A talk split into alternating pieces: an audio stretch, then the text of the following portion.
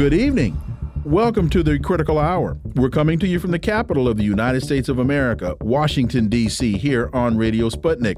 I'm your host, political scientist, author, and nationally syndicated columnist Dr. Wilmer Leon, and I'm joined here by my co host, political analyst Garland Nixon. Thank you, Wilmer. For the next two hours, we will explore and analyze the salient news stories that are impacting the global village in which we live.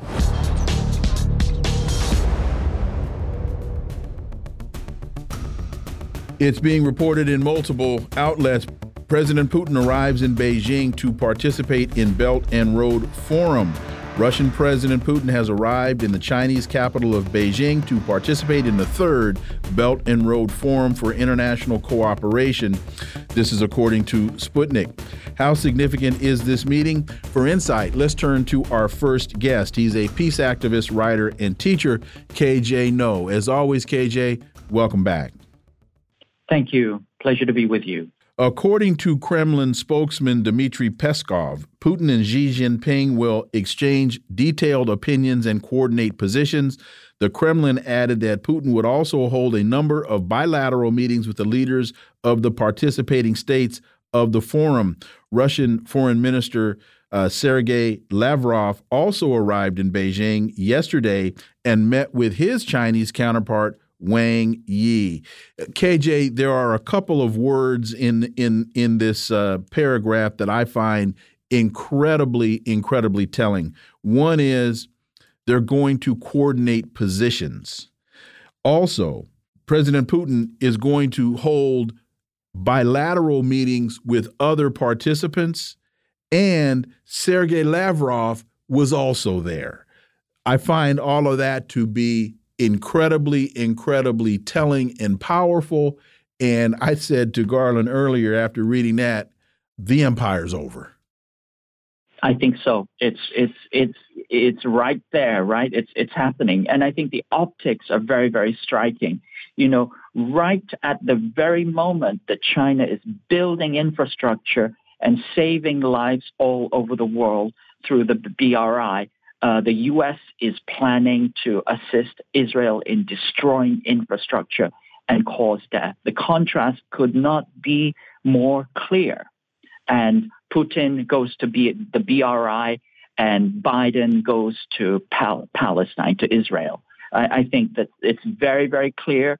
Uh, and I think that essentially this boils down to, you know, what we said before. China builds, the U.S. bombs, uh, and it's clear what the world wants. Currently, there are 130 countries uh, at the BRI. You know, uh, I think uh, scores of national leaders, uh, and really, it's the kind of affirmation of how powerful the BRI. You know, it's a vote of confidence in multipolarity, and that understanding that you know the BRI is the economic foundation for the global south. And so Putin going there, Lavrov going there, you know, all the uh, global leaders going there is not simply a fact that, you know, things have shifted, that, you know, the, you know, that the playing field has shifted fundamentally, but also that there is tremendous detail and planning happening, as you pointed out in these bilateral meetings and these very kind of uh, important one-on-one, uh, you know, Uh, uh, um, uh, meetings that will happen. Let me add just one more thing. Your point about the optics. Right now, Russia is engaged in a military conflict with Ukraine. There's a military conflict on its border, and President Putin is in China. And he's not in China begging for money like Zelensky's been traversing the world with his with his pour cup in his hand. He's out there just engaging in business as though Nothing's going on. That tells me he's fairly confident about President Putin's fairly confident about what's going on and what the outcome is going to be. I, think so. And I think the writing is on the wall. It's been on the wall for a very, very long time. All you had to do was, you know, just look at the correlation of forces to see that this was not going to shift or change. Uh, and clearly, Russia is now on the offensive. But the other piece that I will also point out as another point of contrast you know, is the lack of civilian casualties, uh, you know, in Ukraine, as opposed to the massive uh, hmm. shelling, bombing, murder of children uh, that has happened in recent days in Gaza. So once again, I think that too is another contrast, uh, just the kind of the difference between, uh, you know, an SMO uh, and wanton slaughter of people who are engaged in, you know, the, the world's largest uh, open air prison.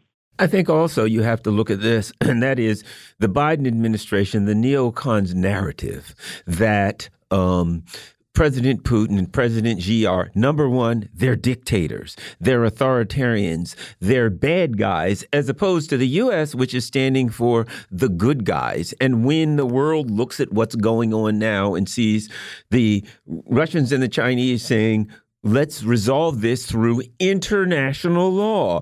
That when, um, even when Israel was created, there was an agreement that the Palestinians would get their own state, that they wouldn't be discriminated against. So they're standing for international law, and the U.S. is just standing for, well, we're going to um, do whatever we want to because we have the power, and people can see the chaos that is created by the so-called rules-based international order, as opposed to international international law where there are international legal precedents, et cetera. Your thoughts? Yeah, you're absolutely right. I mean, international law says that the occupation is illegal, and certainly international law says that war of aggression against civilians is illegal. You know, um, you know, uh, I mean, turning Gaza into a free fire zone goes is a crime against humanity, and so I think that's very, very clear. And that the fact that China is coming out against that is somehow goes against global norms, that it's authoritarian. This is the world upside down that the Western media is still trying to palm off, uh, you know, on its uh, unsuspecting uh, audiences, and it's no longer working.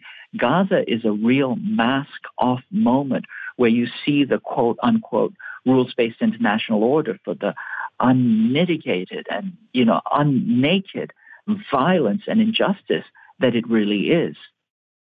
CNBC reports time to set the record straight. Saudi minister defends China's lending to developing nations. Saudi Arabia has defended China from criticism that its infrastructure investments have saddled African and other low income countries with crippling debt, cultivating a reliance on Beijing. Quote, maybe it's time to set the record straight, Finance Minister Mohammed Al Jadaan said at the World Bank and International Monetary Joint Conference in Marrakesh, Morocco. China stepped up when people actually shied away from Africa. China built infrastructure that they cannot carry with them to China it will actually be in Africa. China took the risks when people didn't want to take the risks, he said. And I that's that's interesting to me also in the context of the report that Mohammed bin Salman kept Tony Blinken waiting for hours for the meeting when Blinken went to Saudi Arabia. This to me is showing an entirely different tone than the Biden administration was hoping for. Yes, I think it's absolutely. I think it's completely, uh, you know, contrary to what has actually happened. You know, I wonder what important things Mohammed bin Salman was doing while he kept, you know, Tony Blinken waiting. I mean, maybe he was know, fishing. He, he had gone. he had gone fishing in Saudi Arabia. well, you know, the you know the fish are, are really, really important. So, yeah. Exactly. So I think I think it's important that you know that we do set the record straight, uh, as the Saudi finance minister said. I mean, he said that we should show China love because of the extraordinary things that they have done for the global South. You know, China took the risk when other banks didn't want to take the risks, uh, and they did this to actually help other nations. That's what you know Minister Al Jadaan said.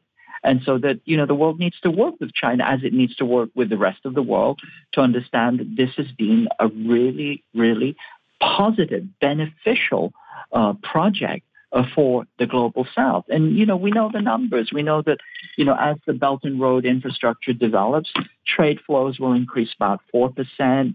Uh, transportation will, costs will drop by 1 to 2%, and the GDP of East Asia will rise uh, from 2.6 to 3.8 9%, and there'll be increase in GDP by about $7 trillion a year. These are all global benefits and they go to the countries that participate and partner in this uh, Belt and Road. As I said once again, it really is economic foundation for the development of the global South. And you know, as many uh, as others have said, you know, these are high quality developments that are remarkable uh, and really proof of you know win-win uh, uh, cooperation. But of course, the West wants to put as bad a spin on it as possible, not only because of sour grapes, but it also because it realizes that it's losing out and it has nothing left but rage and rhetoric and and and uh, and and invective. The Asia Times reports the United States is expected to announce a new set of rules that aim to prevent Chinese firms from sourcing American made high end artificial intelligence chips through different channels. Again, we say, see the Russians and Chinese are meeting to expand growth, and the United States is deliberately trying to suppress Chinese growth, which would, of course, suppress the, uh, the growth of their sphere of influence. KJ. Yeah, you're absolutely right. So, you know, by hook or by crook, they're trying to suppress China's growth. They're trying to wall it off. They're trying to sanction it as if it were Cuba or North Korea or Palestine. That is simply not going to work. And China is simply going to develop its own indigenous technologies as it did when it was shut out from the space station, as it was when it was shut out from, you know, the advanced chips for, you know, for Huawei. Uh, and right now, even as we speak, you know, the Chinese are Marxists, they're dialectical thinkers. The U.S. imposes rules on China.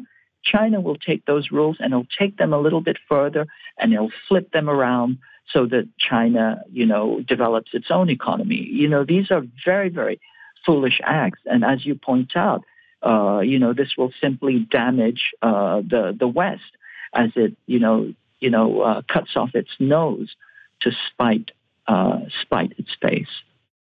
Al Jazeera reports Australia rejects constitutional reform to recognize indigenous people.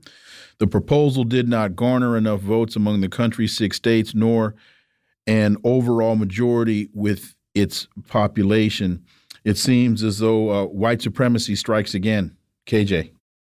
Yes, you're absolutely right. So, I mean, this is important because uh, Australia recently put forth uh, this uh, legislation to put forth a voice for its indig- indigenous people, that its indigenous people would have an institutional voice in parliament. And they shot this down. I think 60% or close to two thirds of white Australia shut it down, even for what is largely a symbolic and toothless resolution. Now, just a little bit of background. You know, Australia is a signatory to the United uh, Nations Declaration on the Rights of Indigenous People. It's one of the four settler colonial states that opposed the passing of this declaration at the UN. But eventually, you know, under shame and pressure, it relented.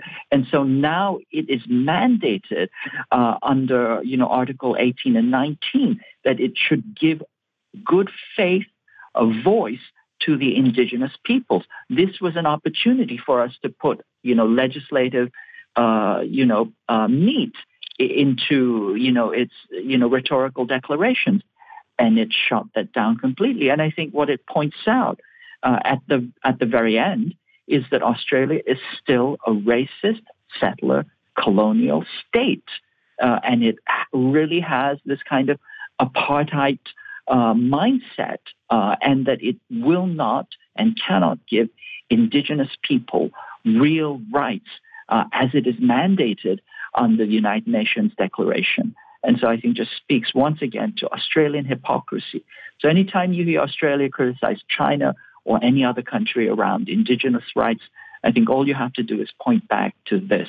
This really shows that you know, Australia is, you know, uh, is really uh, against the movement towards global justice, that it still is stuck in its race, racist settler colonial ways. And it shows you the parallels between Australia, the United States, the Zionist colony of Israel, the apartheid regime in South Africa. The indigenous citizens in Australia make up about 3.8% of the country's population of 26 million and have inhabited the land for 65,000 years. 65,000 years. Somehow that's not long enough. Uh, KJ, Noh, as always, thank you so much for your time. Greatly, greatly appreciate that analysis. We look forward to having you back. Thank you. Always a pleasure. Folks, you're listening to the Critical Hour on Radio Sputnik. I'm Wilmer Leon, joined here by my co host, Garland Nixon. There's more on the other side. Stay tuned.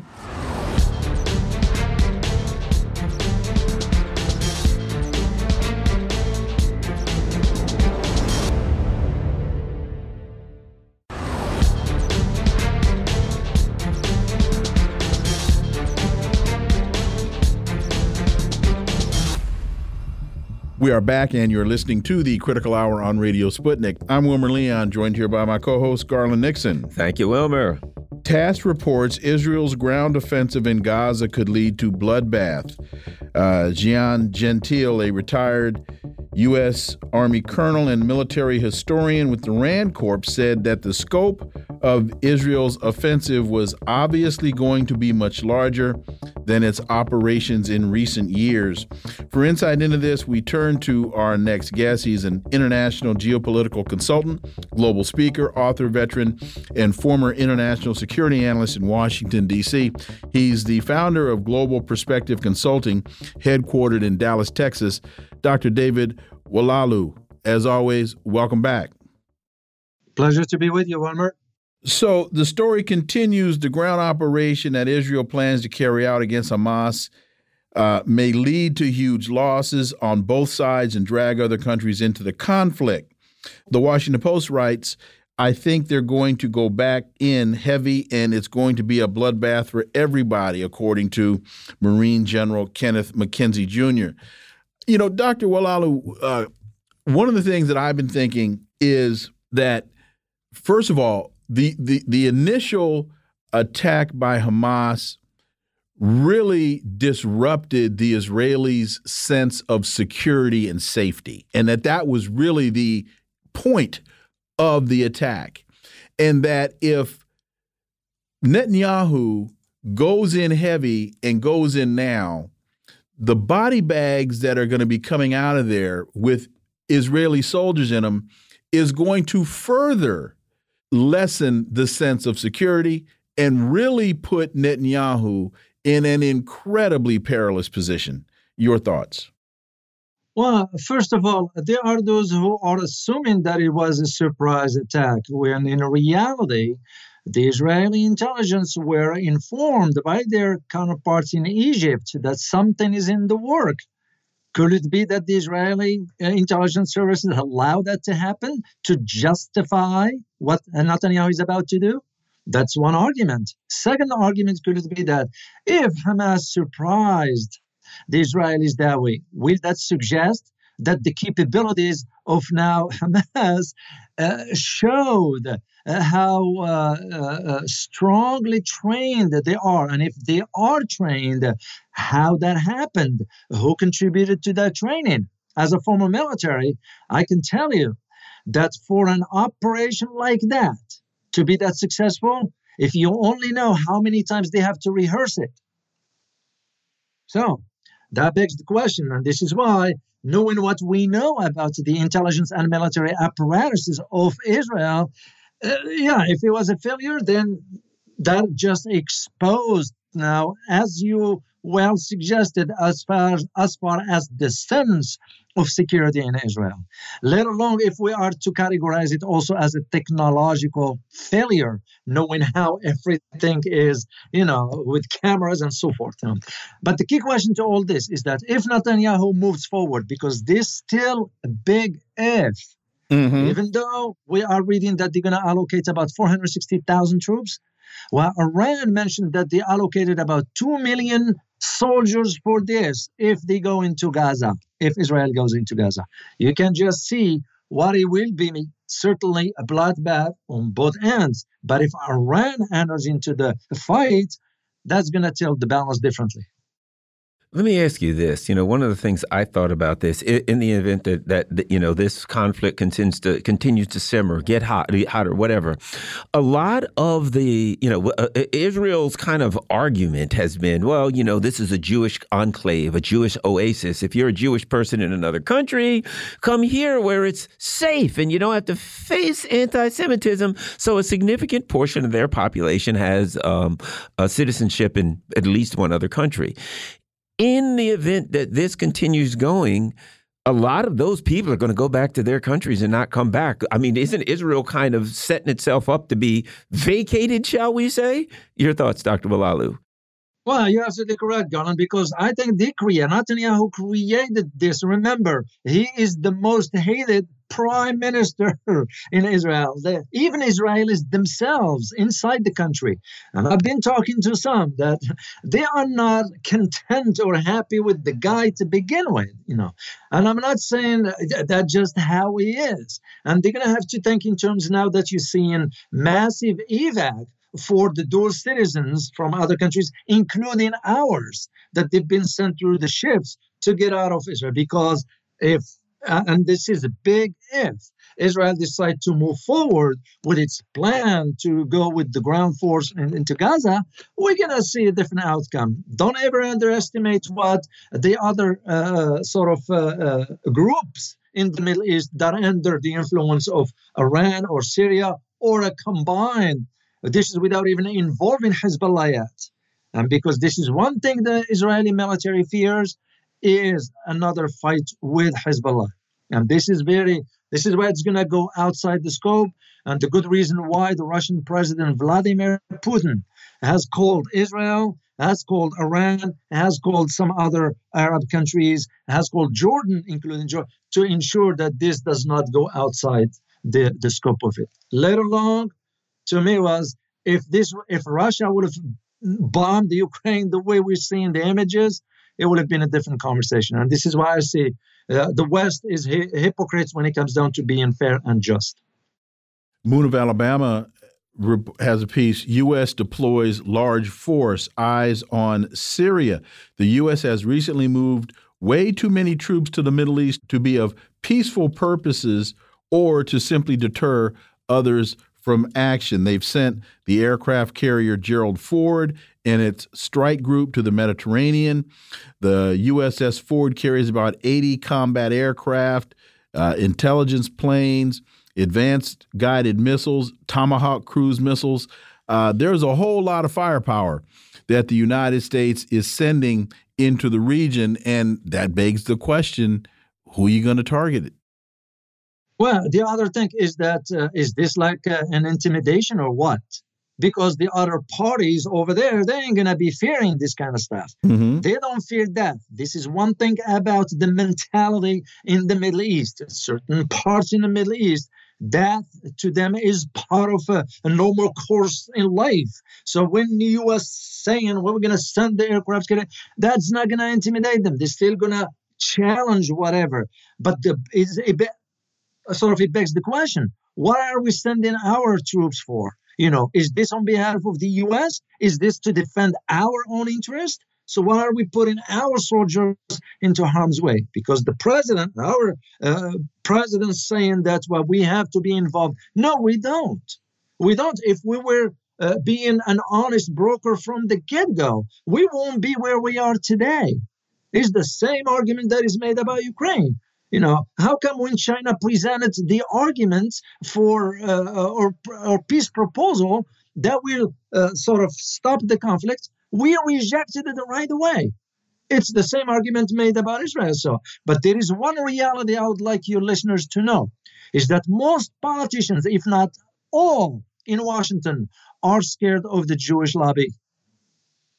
That's one of the reality they need to be aware of. Well, the other part is this: when you in in modern day warfare, when you send something as large as a aircraft carrier and these large ships in the area, in the event that they um, that there there's a certain amount of vulnerability, they can be hit with missiles. Also, the U.S. has bases all over the Middle East. We've heard various private military units and various militias say that if the if the U.S. fights on behalf of Israel, that all U.S. bases will be considered targets. So the, the the, the other part, you you've got these bases, you've got these ships. Yes, they have offensive capability, but they are also vulnerable targets in that area. Your thoughts, Dr. Oualaalou? Well, spot on, Garland. I couldn't agree more. And, and and I won't be surprised at all because whatever capabilities those groups have, those are within reach to where U.S. military presence is in the Middle East. And they are very concentrated in certain areas. You're looking at Bahrain, you're looking at certain areas in, in, in Jordan, you're looking at it now in Syria. You know, it's well within reach. And once we start seeing body bags coming over here back home, it's going to be a different conversation altogether. But the question is, why are we sending our troops to for some issue that has nothing to do with our own interests. So, and, and to me, it was the idea that when Iran mentioned through its foreign minister Abdollahian that if Israel goes into Gaza, we will intervene. I don't think so. They're bluffing. And Iran will not be saying this if it does not ensure its own capability to meet the Israeli forces. And this is what I'm saying. The big if as of now because Netanyahu will have to think twice. He's already getting a, a, a heat from his own people inside. And if, like you mentioned earlier, if the body bags in Israel start to come home, that's going to be a different conversation. Are there parallels to draw between what we're experiencing right now and 9 11? In that, Joe Biden's numbers are bad. Joe Biden needs a conflict as we move closer to 2024. And the standard logic is that a country will rally around its leader in the time of conflict. So Joe Biden is trying to put America in harm's way so that he can then claim we're in the midst of conflict. You need me to guide you out of the conflict, similarly to where George Bush was in the polls when 9/11 hit. I will I will agree, Wilmer. There is a compatibility over there, but not only on this aspect, but also on the intelligence part of it. Because for us, for 9/11, we were aware of the chatters a month and a half earlier mm-hmm. than September uh, uh, uh the 11th. So, and the government didn't react. Could the same argument be made in the case of Israel that the Egyptians have warned the intelligence services, the Mossad, that or the Shin Bet, all of it, that there is something in the works, and they choose not to react. But you're absolutely correct that Biden is going to be looking at it from a political calculations to ensure that uh, uh, yes, you're going to need me to continue this to bring it to an end. Because here's the thing. If Biden had good intentions to begin with, he would have at least declare or uh, pushed for a ceasefire. You know, we have a control mm-hmm. over Israel to a degree, but with something like this. But President Biden didn't even mention anything about ceasefire, and that tells me the story right there.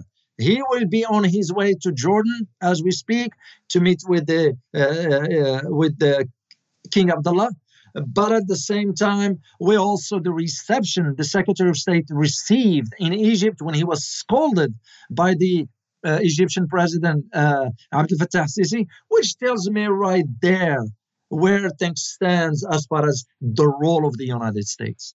And we just have about 30 seconds and the reception he didn't receive when he went to Saudi Arabia. Saudi and Arabia. And You're right, Wilmer. The uh, the MBS let him wait, and as a matter of fact, I was I read that it was till the next day Correct. when he met with him in the morning, which is to me that's a diplomatic slap in the face. Dr. David Oualaalou, as always, thank you so much for your time. Always appreciate that analysis. We look forward to having you back. My pleasure. Folks, you're listening to the Critical Hour on Radio Sputnik. I'm Wilmer Leon. I'm joined here by my co host, Garland Nixon. There's more on the other side. Stay tuned.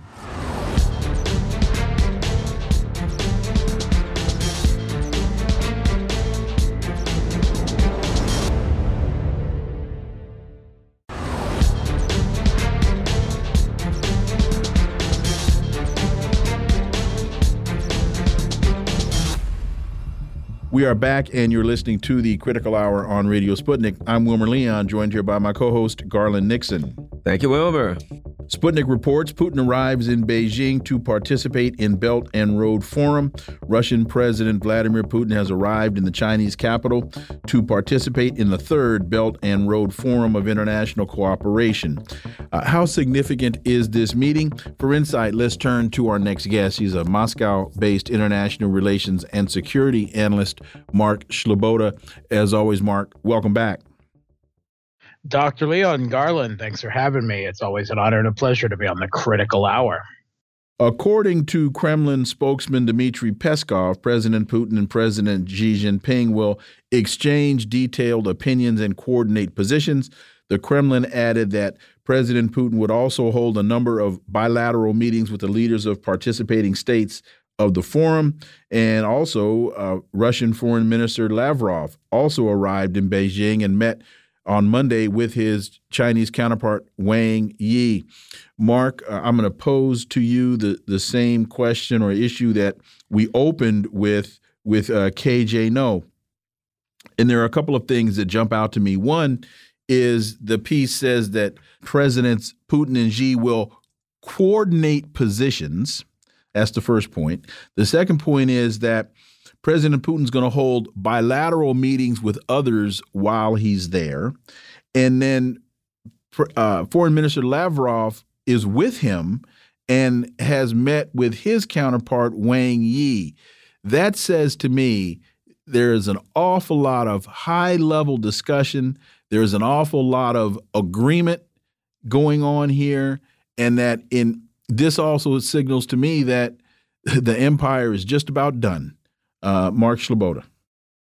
Yeah. Okay. So, I mean, this is the 10th anniversary of the Belt and Road uh, being launched, and the third such forum for international cooperation.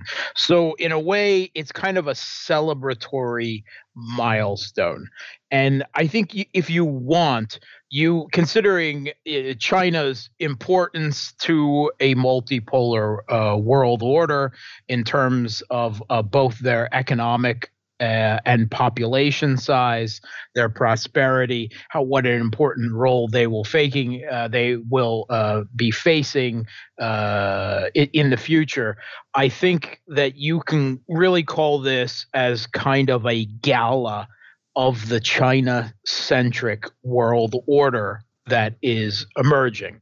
And although it is not a same type of hegemonic type relationship that the US has with its um, rules based order, quote unquote, we make the rules, we give the orders. Um, it there's no question that that that China in many ways still is at a the center of it, although of a, I would say a looser, more uh, a looser relationship. Um, uh, this is the first trip that President Putin has made outside of Russia uh, since uh, the West uh, brought these uh, charges against him in the International uh, Criminal Court that he illegally removed U- East Ukrainian children, or at least assisted the parents and caretakers of East Ukrainian children to move the children out of the way of the West backed Kiev regime that has been shelling them for the last 10 years. It's really a truly horrible, horrible crime. Um, it, of, of course, it's not a crime when the U.S. moved thousands of children out of Afghanistan or many thousands of children out of Vietnam, uh, that's completely different because when the U.S. does something, it's good, and when Russia does something, it's bad. Um, but uh, anyway, it, it is significant, uh, you know, that it is his first trip outside the country. Of course, uh, neither Russia nor uh, China are a party to the Rome Statute of the International Criminal Court, so there's no such issue uh, there uh, and certainly not with the close relationship between the two of them. The fact that both Putin and Lavrov there seems significant to me, and I can't remember the last time I saw two of them there. And while at the face, this is a celebratory moment and a you know a photo opportunity, as such international events are. It seems that there is actually a lot more substantial um, talk uh, and um, uh, politicking going on uh, underneath that surface. Um, I've already seen that Putin has met with the uh, president, or the, sorry, the prime minister of Hungary, Viktor Orban, whom is the only leader ostensibly from the west at the belt and road initiative and i i, I think that he has been um, shall we say treated as a visiting king uh, uh, he has received quite the red carpet tr- treatment with little Chinese girls throwing flowers at his every footstep. It's it's um, uh, quite quite a different from the reception he receives in Brussels or Washington, and I I think that. Uh, he will notice uh, and and is a, a sign of um, the West's um, disenchantment with him, and certainly uh, Russia and China uh, wooing him.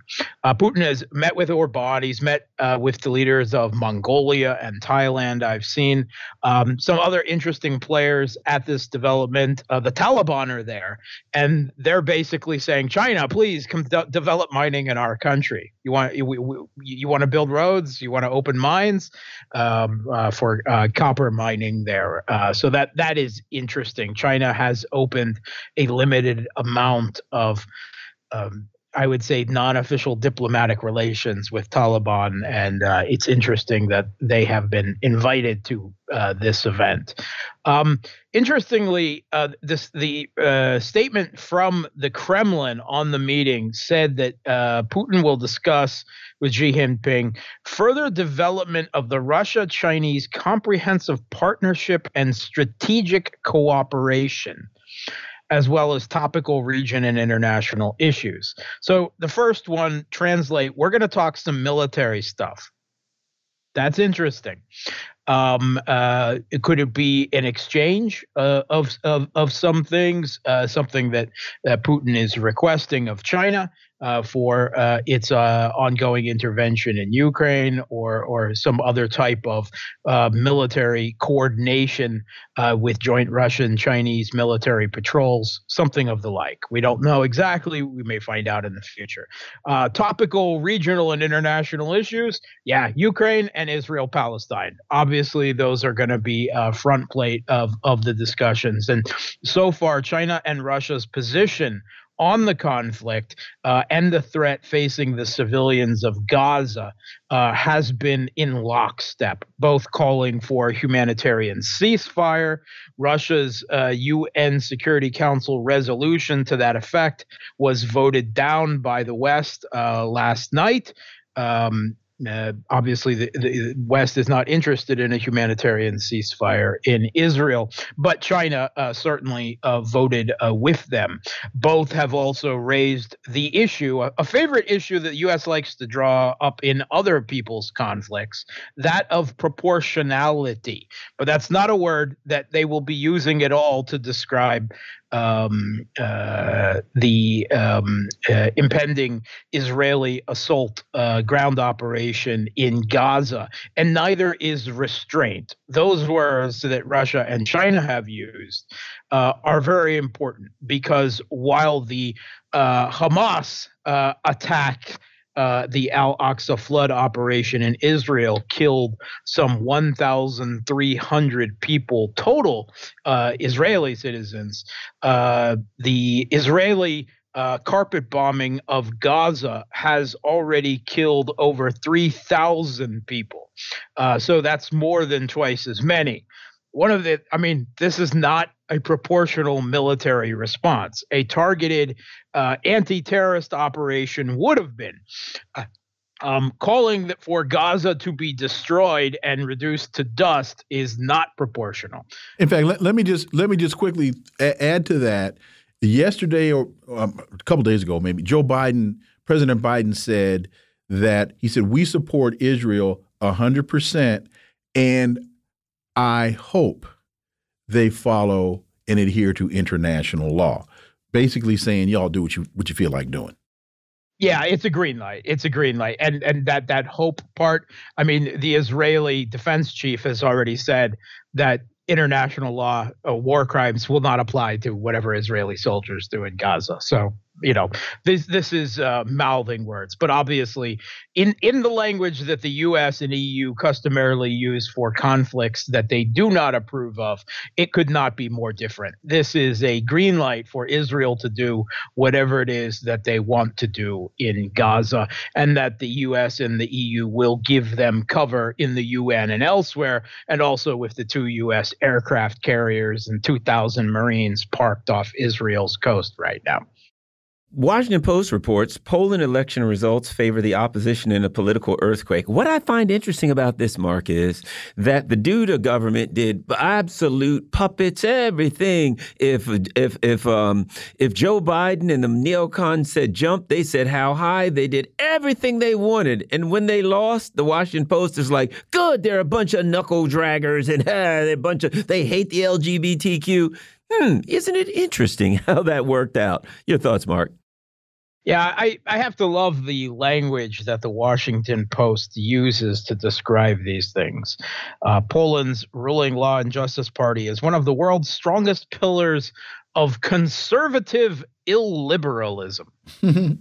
well, I mean, that seems kind of redundant to me. We do understand that conservatism and liberalism are kind of polar opposites of of the generally accepted political spectrum. And there's no question that Poland's ruling law and justice party is conservative. Why didn't they just say one of the world's strongest pillars of conservatism? Why do they have to say conservative illiberalism? Because conservatism is no longer bad enough of a word and either to demonize you know uh, conservatives in general. Now they're not just conservatives they're conservative illiberals yes, I mean that that is kind of the point of being conservative. But you know, uh, we, we, see some similar language used in petty partisan politics uh, in within the United States and in many European countries. But it's quite obvious that um, the uh, Poland's ruling Law and Justice Party, while instrumental to uh, the uh, NATO proxy war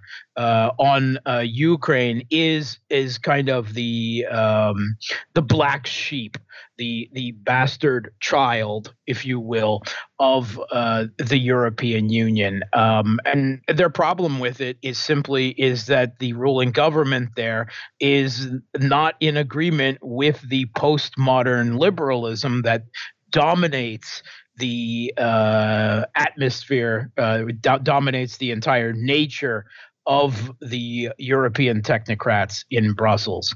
Uh, although uh, they seem to suggest that actually, um, although the Law and Justice won the election in terms of they uh, uh got the most votes, uh, they don't have enough part because it's more than two parties involved in the election. They need to form a ruling government coalition, and they no longer have that because what had been their partner, the Confederation Party, which is a, another right wing Polish party, um, they ran on an anti Ukraine aid policy and they did poorly. Uh, which which is rather interesting.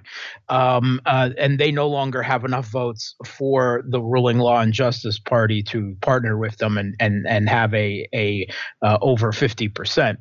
Uh, but there are suggestions that the Law and Justice Party could try to drag this process of a transition out and perhaps prevent, try to um, talk away um, some of the potential uh, coalition partners for Donald Tusk's civic platform, the pro EU platform that was the the second uh, uh, party in the election and the one that is expected to form a more pro Brussels um, uh, government in Poland. Uh, so there may be some some shall we say bulldogs fighting under the bed sheets yet before this issue is finally settled.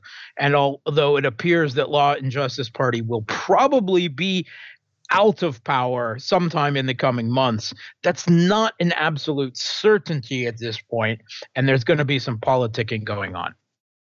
Mark Sleboda, as always, thank you so much for your time. We greatly, greatly appreciate that analysis, and we look forward to having you back. Thanks for having me. Folks, you're listening to the Critical Hour on Radio Sputnik. I'm Wilmer Leon. I'm joined here by my co host, Garland Nixon. There's more on the other side. Stay tuned.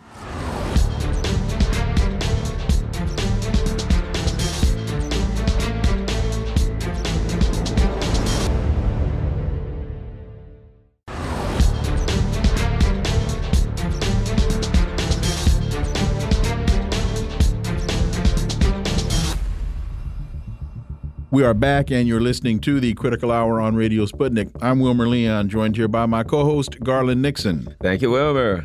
It's reported Rite Aid is filing for bankruptcy. Here's what happened drugstore chain Rite Aid is seeking bankruptcy protection with plans to divest a segment of its operations amidst financial problems and legal battles tied to opioids.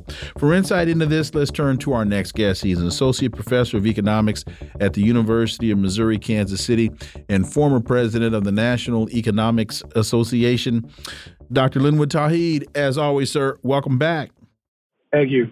So the article continues Put simply, the company has been notching losses for years and has appeared to be on borrowed time. Those losses have been getting worse, and Rite Aid has said that it believes they expect to end this fiscal year in the red to the tune of $680 million. And this is interesting, Dr. Tauheed, because this is also at the same time, at least in September, Target announced it's planning to close several stores, citing retail theft and organized retail crime as major problems. And we, uh, Garland and I, were talking about this. Those are data points of how bad the overall economy is doing as people are turning to theft to such a degree that it's causing stores to close. Dr. Tauheed.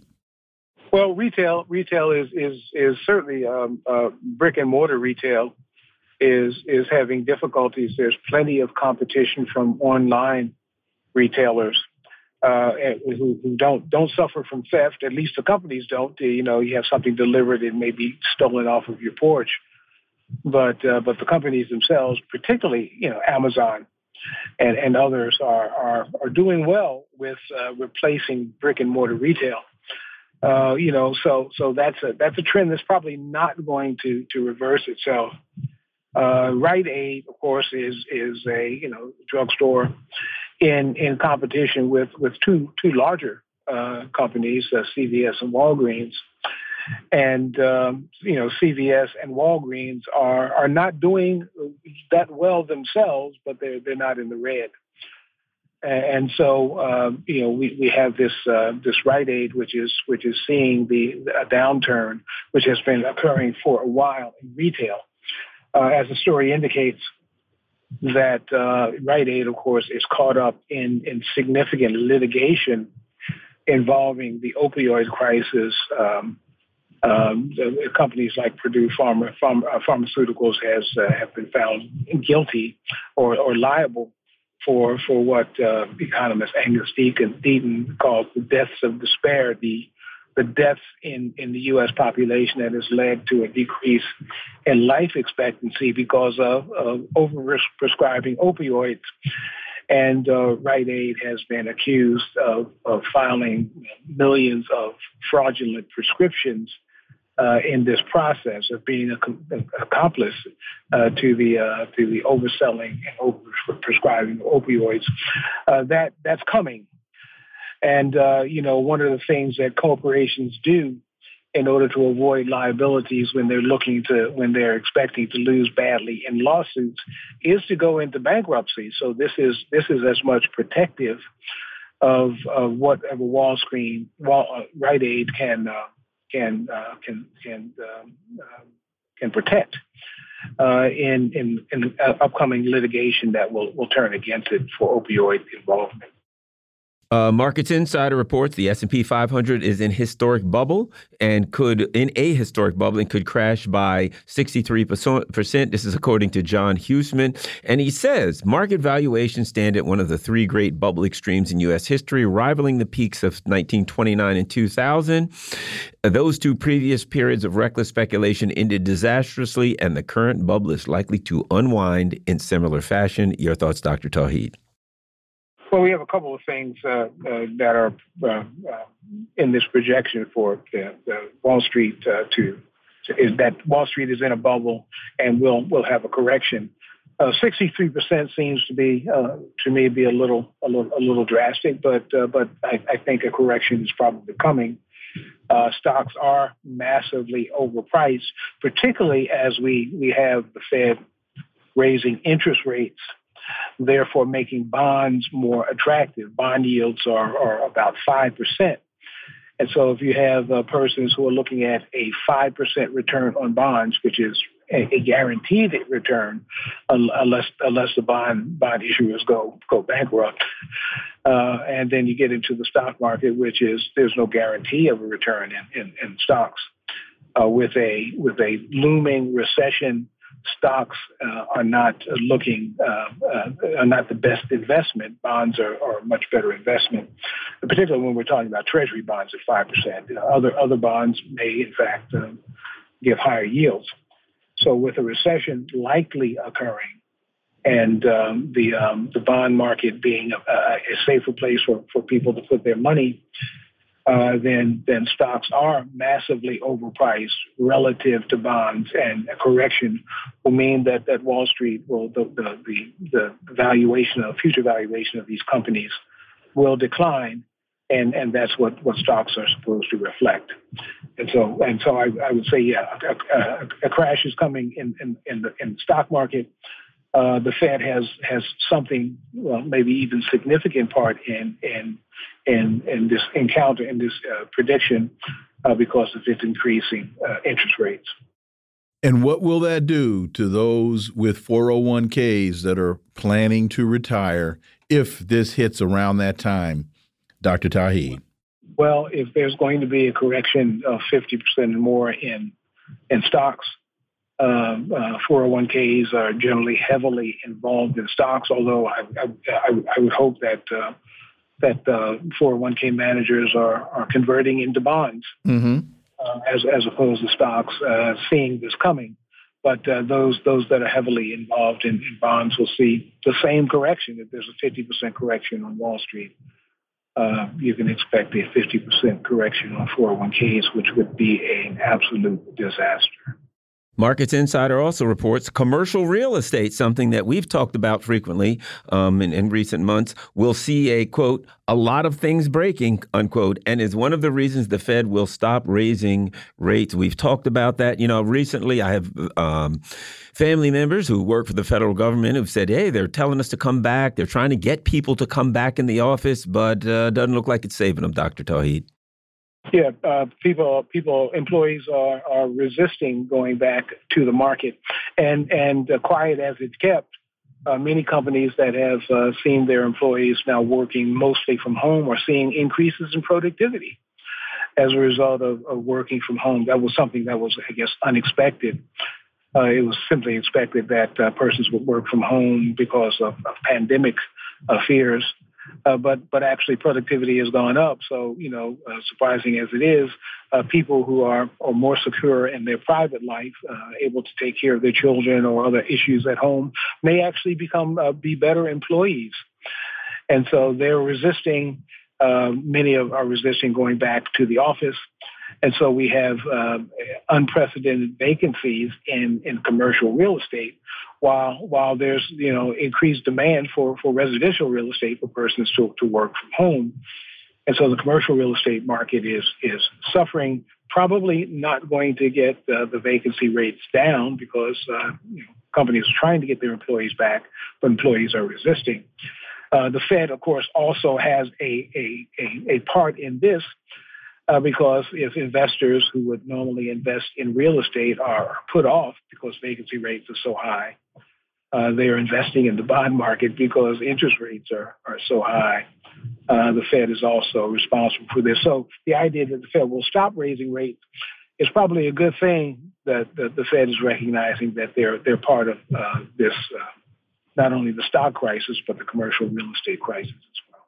And there are some very powerful tangentially related issues tied to this.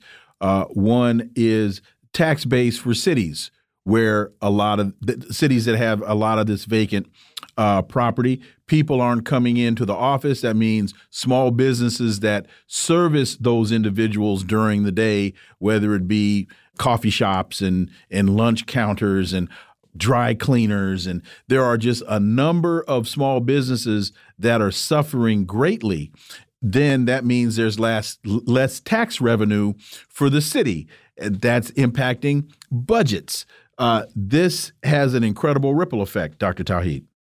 Yes, I mean, when we talk about an economic system, we, we realize that it is a system, that, that things are connected to, to other things. And if you have downturns in one area, that leads to not only comparable downturns in other areas, but it actually leads to a multiplier effect where because uh, someone's income, a store's income, uh, is also uh, their their employees' wages, and those things uh, lead to those employees not being able to buy things, and, and, so we get a multiplier of downturns. And so we have we have a um, uh, a confluence of uh, of events here because of the systematic nature that leads to a a, a, a downward spiral here. again, then. I, I, it, broken record here, but the, but the Fed is, is right in the middle of this with uh, increasing its interest rates to try to to uh, stall the economy, uh, and, and, and they're they're being successful in doing that. Uh, but uh, but inflation is is actually now uh, going up, at least core inflation, in terms of things like um, gasoline and food and other essential items. the costs of those are going up. Um, uh, again, we still have are in a, a, supply crisis, but we're also seeing greedflation, where corporations are simply taking advantage of the of the, uh, the, the atmosphere of inflation to say that they are increasing their prices because they have to, in which case they don't. Uh, the federal government has not just the Fed, but the federal government, the Biden administration, has something they can do about that um, Joe Biden mentioned uh, that uh, prices made were, were high because of greed, but then backed off when, when he got pushback from corporations on that. The federal government could could involve itself in this process, uh, but but there but the Biden administration is not doing so. Dr. Linwood Tauheed, as always, thank you so much for your time. Greatly, greatly appreciate that analysis, and we look forward to having you back. Thank you, sir. Folks, you're listening to the Critical Hour here on Radio Sputnik. I'm Wilmer Leon. I'm joined here by my co host, Garland Nixon. There's another hour on the other side. Stay tuned.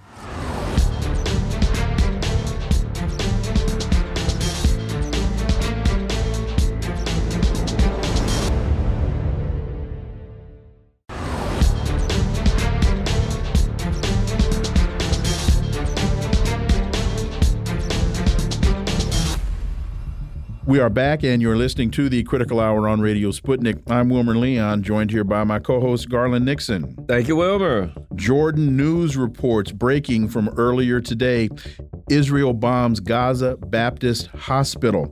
Israel has bombarded the Baptist Hospital, Al Ahli Arab Hospital in Al Zaitun neighborhood in central Gaza, reportedly killing and injuring hundreds, according to Al Quds Press. For insight into this, let's turn to our next guest. He's an award winning broadcaster and journalist based in Beirut, Lebanon, Laith Marouf. As always, Laith, welcome back. Thank you for having me. Uh, so, give us there's there's very little uh, at the moment that has been reported other than that headline. The, this is from uh, News Network. The government media office committed a war crime targeting the courtyard of the Baptist hospital. Hundreds of displaced Gazans had been taking shelter in the in the courtyard of the hospital, thinking it would be safe because it is a hospital sponsored by Christians. Uh, your thoughts? What, what's going on here uh, by Christian charities? Uh, Laith. Yeah, I mean, this is another one of those uh, depraved moments of uh, sheer violence and hate. Uh, look, uh, to, target a hospital after days of threatening hospitals um, uh, is something that no one should forgive. These are families that were displaced. These are the families of the sick and injured. It's the doctors and nurses that are uh, con- outside the hospital trying to help the uh, emergency uh, as they arrive. To target this hospital this is this was not only a message to palestinians as a whole this was a message to even those who send charity uh, christian charity to palestinians that are in need that your charity even the name of the baptist church is not something that will protect uh, Palestinians. And uh, I don't know where is left in Gaza for the civilians to hide from these ongoing massacres if the world uh, and specifically Western countries that uh, control the Zionist colony don't, uh, you know, put a leash on them and, and pull them back from these continued massacres, the whole region is going to explode. We heard uh, the foreign affairs minister of Iran today say, saying that uh, nothing's going to hold back the resistance if these massacres continue, and definitely this massacre is one of those that could trigger now a response from the resistance across the region. Let me ask you this. Um, what do you think about when events like this happen, the pressure that it puts on the governments in the region, when the people in the countries are outraged and enraged, and oftentimes they view the governments as, shall we say, compromised? Uh, look, uh, the pressure is so severe on much of the Arabic uh, governments that are, are uh, in bed with the United States that uh, we saw when Blinken visited Egypt a few days ago. For the first time on the record, the Egyptian government releases the video of the meeting and with the full audio for everybody to hear. And I, the government of Egypt intended that on purpose because uh, President Sisi uh, was very uh, clear in his message to uh, Foreign Secretary Blinken, Secretary of State Blinken, and he told him that we will not uh, allow a massacre of the Palestinian people. This tells you that uh, the pressure within the Egyptian government and the Egyptian military is rising very high. Remember, Egypt as a country for six, seven thousand years. Not talking about the modern state. It's uh, in its core, uh, uh, you know, strategic position is to defend the front line on between Palestine and Egypt. This is the main front line that every Egyptian state, since the times of the Pharaoh, were uh, very uh, careful to protect. And when you hear the Zionists saying they want to expel the Palestinian refugees uh, from Gaza into Sinai. That means that even if uh, Egypt as a state is in bed with the United States, it has no choice but to care for its survival as a state. And therefore, we saw now hundreds of uh, Egyptian tanks are lining up right now on the border with Palestine and the uh, occupied Palestine and Gaza. So this tells you that the Egyptians could, if we go into a regional war and the United States intervene, we don't know even if Egypt will go in a war against the United States. This is how deep uh, now the crisis is engulfing the whole region. What does Sisi's statement act? And I hope this isn't a stupid question. What does Sisi's statement actually mean? And and I ask that because, for example, President Biden has said that the United States backs Israel 100%, but Biden hopes or is confident that Israel will act under the rules of war and international law instead of saying our support is conditioned upon it. So when the Arab countries that are backed by or in league with the United States say things such as Sisi said, what does that really mean? Hopefully that makes sense. Yeah, it means a lot. Uh, okay. Look, um, I, I, guess my, my question is my, my question is how willing is Egypt? How far is Egypt willing to go in order to protect the Palestinians? That that's the question. I believe uh, if there is a regional war where the United States is intervening directly to save the Zionist colony from complete collapse, that the Egyptian military will have no choice but to intervene on the side of the Palestinian people. And Okay. remember, Egypt uh, bought all these F 35s uh, just uh, a few years ago from Russia.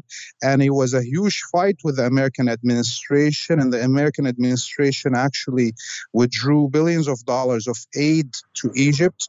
And the Egyptian government, uh, led by Sisi, didn't care about this aid because they saw having the F 35s as their only way that they can balance their uh, air superiority with that of the Zionist colony. So that tells you that even when the, a country like Egypt, uh, you know, has peace with Israel and or plays with the American side, it still has uh, underlying national security uh, red lines that it cannot uh, give away.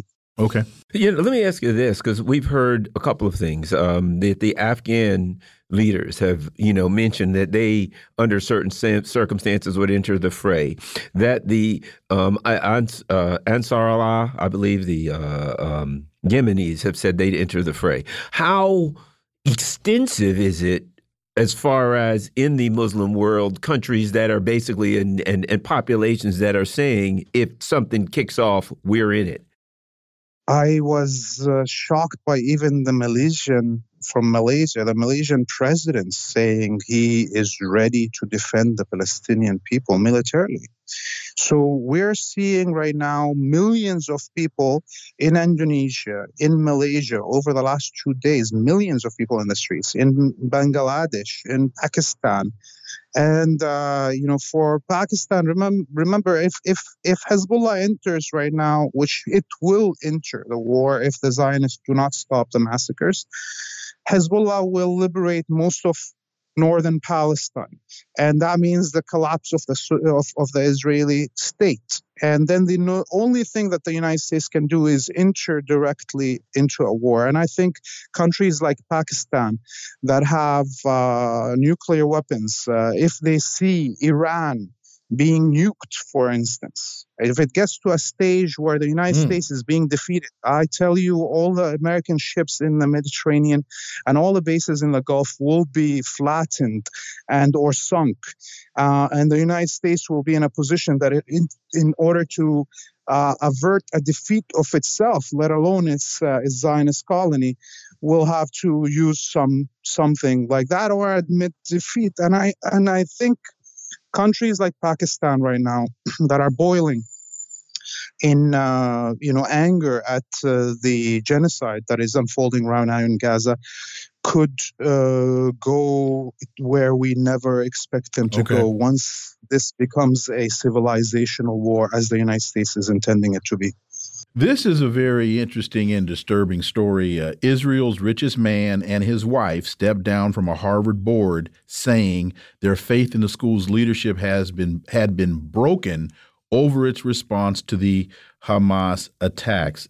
As uh, Israeli billionaire businessman uh, Aidan Ofer, who owns Quantum Pacific Group, and his wife, they stepped down from their positions on this Harvard University board basically what's happened is is in response to pro Palestinian protests on Harvard's campus different business businesses have come to Harvard and said we want the names of the students involved and to the point of other CEOs and investors have issued statements that they're not going to hire these students going forward.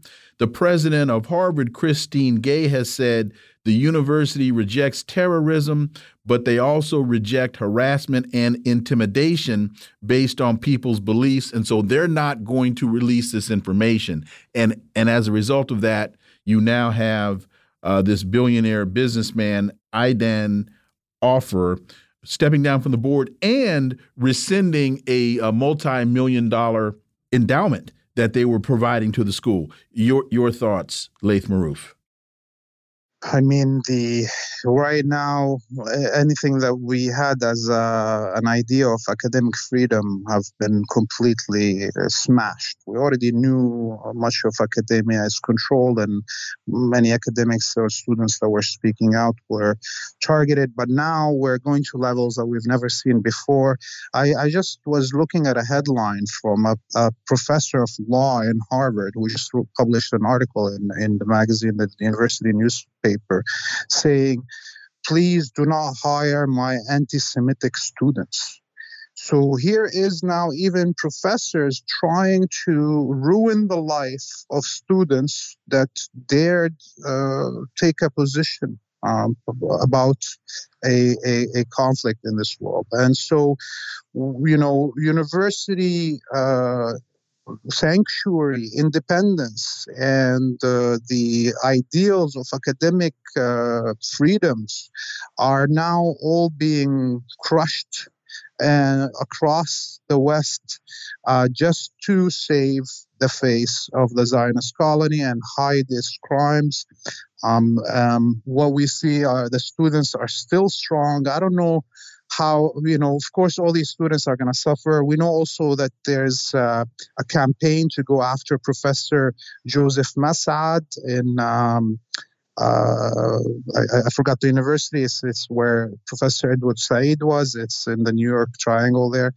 Uh, so we, we're seeing campaigns to destroy the livelihood of professors and students who have the courage to stand against the genocide unfolding. Laith Marouf, as always, thank you so much for your time. Thank you for that analysis. Stay safe, and we look forward to having you back. You have a great evening. Folks, you're listening to the Critical Hour on Radio Sputnik. I'm Wilmer Leon. I'm joined here by my co host, Garland Nixon. There's more on the other side. Stay tuned.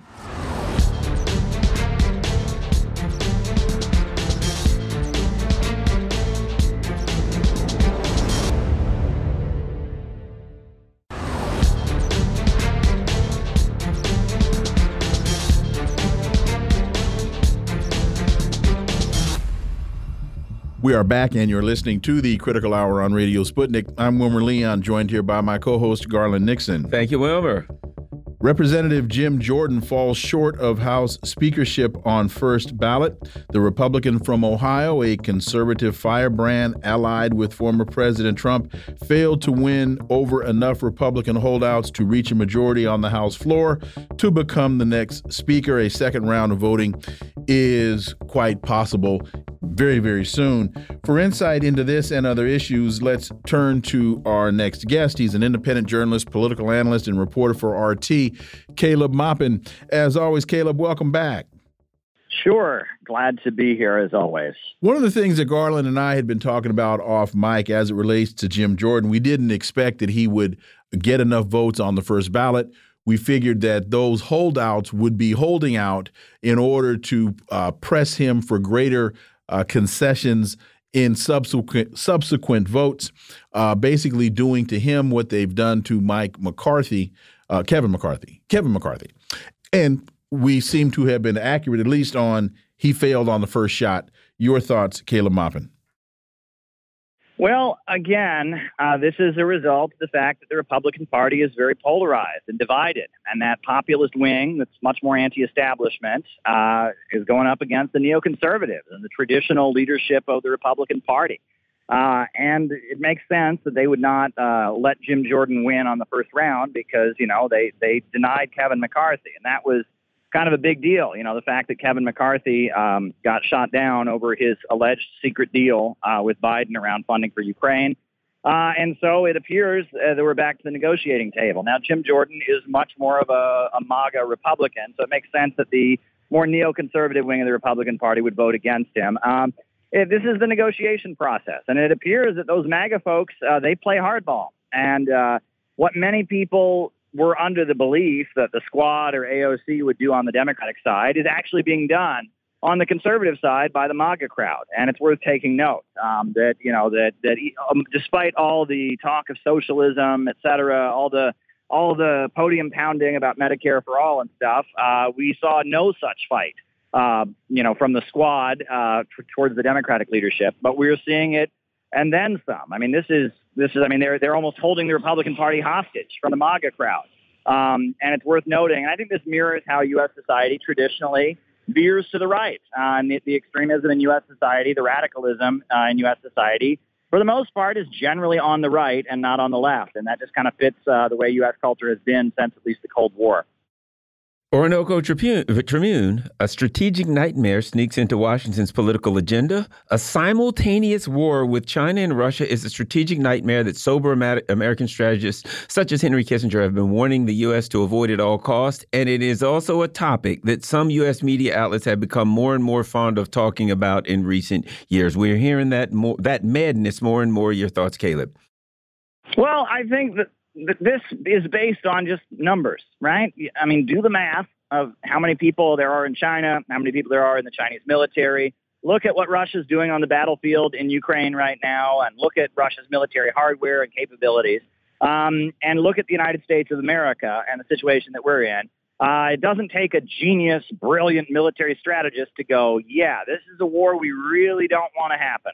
Um, However, there are some insane people, it appears, in the neoconservative uh, faction, uh, as well as in the geostrategic apparatus uh, that have sat there and dreamed up uh, these kind of, you know, nightmare scenarios. And, and I think that this is probably why some of the voices that are more critical of U.S. military intervention around the world tend to be coming out of the Pentagon these days, which you would think doesn't make any sense, but they're the ones actually running the numbers.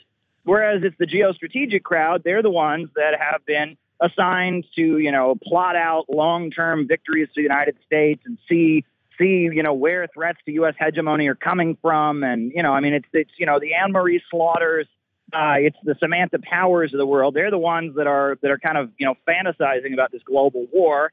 Um, meanwhile, it's the common sense folks who actually would, you know, direct the tanks and the drones and the missiles that would actually make it happen. We're going, eh, yeah, we don't really want to do this. Uh, there's a good chance we might lose this one. Um, so I, I, think that, that that's important to point out as well, and that yeah, there is a an insane wing of the of the ruling elite, and I mean, I mean, this has always been there to some degree or other. I mean, you know, Southern California. We know that uh, it was Al Gore would brag, "We invented the internet." That was one slogan he used to always say. We invented the internet. People made fun of him for saying that, like he personally did it himself. But what he meant was that it was the U.S. intelligence apparatus that very much fomented and created the computer revolution. Uh, and it was done for strategic reasons. And Zbigniew Brzezinski wrote his book about the technotronic era and the role of the United States in the information revolution. And while all of that was going on, uh, you know, we know the spiritual advisor of Al Gore was none other than the occultist guru Marilyn Ferguson. Uh, and and that in some of these, you know, some of these new age screeds that are quite popular among the Silicon Valley elite and among the you know, the, the more liberal regime change, uh, protest for human rights, George Soros apparatus, there is some kind of, you know, belief that there will be a great correction. There'll just be some great global explosion that'll bring the world back into balance. It's very frightening. And you have to wonder if that is what's going through the minds of some of these geostrategic individuals who are talking about some kind of, you know, great explosion I mean, you know, they're talking about World War III here, and the USA wouldn't be able to win World War III in terms of just, you know, battlefield power. And when you can't win in terms of battlefield power and you're facing an all out defeat, uh, what do you go to then? Nuclear weapons. So, yeah, I think it's very disturbing. And I mean, it's a sign of the times that the Pentagon is, is more critical of war than the, the geostrategic apparatus. And it's interesting. I, I don't know if you saw this. Janet Yellen says America can certainly afford to support Israel and Ukraine she says she urges Republicans to appoint a new House, uh, a new Speaker, so that we can get all of this financial support out to these uh, to these countries that are needed. And then she goes on to say that it's too early to understand the economic ramifications of the latest conflict with oil and natural gas prices remaining volatile. So, on the one hand, to your point, Caleb, you've got the Pentagon folks are the ones that seem to be saying this doesn't make any sense. But then on the other side, you've got people like Janet Yellen saying, "Oh yeah, we can afford to do this." Well, there you go. And uh, what are they? What are they basing that on? They've got their uh, their foundation money that pays for these think tanks. It's coming from BP and Shell and Chevron and the oil and gas giants that dominate Wall Street. Uh, you know, BP, that's HSBC Bank on Wall Street. Uh, Chase Bank, uh, that's very much ExxonMobil. That's the Rockefellers and the Morgans, those old banking and oil dynasties, uh, manufacturing dynasties in the United States, et cetera. Uh, and uh, they're sitting there saying, well, if we completely eliminate the competition, right? If, if you know Russia is no longer selling gas on the international markets to compete with us, why uh, then we're in good shape. Uh, so uh, you know maybe that's uh, that's what she's talking about. She's uh, seeing this from the perspective of the paymasters uh, of this uh, of this global think tank, geopolitical, geostrategic apparatus.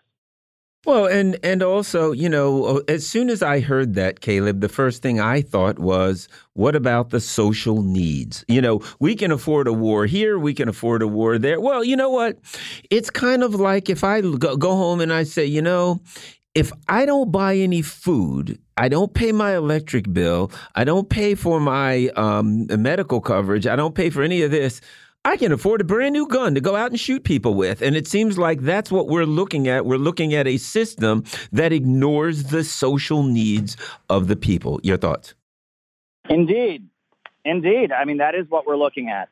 Um, and um, I mean, we're having a situation here at home where our highways and bridges are um, are not being properly, you know, properly subsidized and paid for. We got water that's not being properly purified. Uh, we got, you know, inflation that's insane. I mean, the cost of things, uh, you know, is through the roof. I mean, people are people are just struggling to pay their bills. Uh, this is not a good situation for America's working families. The the basis of the U.S. economy, uh, the the infrastructure on which uh, U.S. society is is supposed to be operating, is literally falling apart. Uh, and we're talking about just you know dumping more and more money into escalating a confrontation, a confrontation that it appears now we can't win. Um, that that seems to be the latest about this confrontation. So uh, at this point, uh, I you have to wonder how much insanity there really is in Washington D.C. Well, and and and to that point, it it seems as though the folks that we consider to be uh, enemies are the ones that are clamoring for peace and the West seems to just be interested in fanning the flames of conflict. Well, that's the only hope they have. I mean, it seems like around the world you have these various economies that are rising up, uh, that are developing, that are building up their own natural gas and oil and natural resources, their own computer chip industry, uh, and the monopoly is being threatened. And it seems like there's certain factions that decided the only way that we can have, uh, you know, a- economic uh, sustainability and, you know, keep the monopoly of the Western countries uh, and stay at the top of the pyramid is to just make sure everyone else has a color revolution, has a long civil war, or they like to call them frozen conflicts. And if we can just foment that around the world, uh, then we can stay at the top and keep our monopoly. And that's a pretty awful strategy. And uh, and it, you know the, the needs of it are just going to get more and more because we're having problems at home too. And the role of the worker in production has been drastically reduced by the computer revolution and artificial intelligence and such. And so they're just going to have to have more chaos. There'll never be enough chaos to save the system. And that's that's the, the, the sad part about this. This is just, you know, they're, they're going to get more chaos and more chaos and more chaos. This doesn't end. There's not an end game here.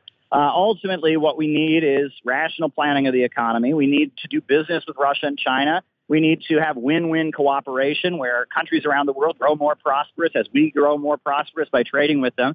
We have to reinvent uh, the economic relationship uh, of the U.S. economy to the rest of the world, and that's going to require some dramatic shifts. And I think that's something that a lot of people are paid a lot of money to not understand. Antiwar.com reports you're not allowed to say that NATO caused the war unless you are NATO's Secretary General. Your thoughts, Caleb? Indeed, indeed. Uh, you know, what's the old expression? You know, if, if you did something wrong or, you know, if you upset your spouse, it's better they hear it from you first. And that seems to be the rule. No one else is allowed to point out what's obvious, but we can, right? Uh, we can point out what happened and we can do it. We can frame it and be like, yes, well, technically this happened, but actually, I mean, this is, you know, there's so much effort to control the message now. And it seems like they're more concerned now with the messenger rather than the message. You know, uh, Barack Obama went to Cuba and he said that Fidel, you know, had built a great education system, great healthcare system. No one cared. Well, when Bernie Sanders was running for president in 2020, you know, they did a hit piece on him for saying exactly the same thing. Uh, and, and again, a part of this new internet cancel culture and part of the defensiveness of the kind of liberal geostrategic elite is this kill the messenger. You know, if the wrong person says it, it's not acceptable. If the right person says it, uh, okay, we'll let it pass or we'll just ignore it or we'll, that shows how strong we are that we can acknowledge these things. But the thing is, facts are facts, no matter who says them, right? A bad person can say something true and it's still true. So um, this kind of shows how tainted the discourse is, and it also just kind of relies on people being in a, a, a so-called bubble, right? In that that that information bubble that social media is so good at creating. And we we just have thirty seconds. When Stoltenberg says that NATO caused the war, well, isn't Washington NATO the same way that Bruce Wayne is Batman? Indeed, indeed. The United States has always been the umph behind the NATO alliance, and it's U.S. weapons manufacturers that have always raked in huge amounts of profits from NATO. Caleb Maupin, as always, thank you so much for your time. Greatly, greatly appreciate that analysis. We look forward to having you back. Sure thing. Always a pleasure. Folks, you're listening to the Critical Hour on Radio Sputnik. I'm Wilmer Leon, joined here by my co host, Garland Nixon. There's more on the other side. Stay tuned.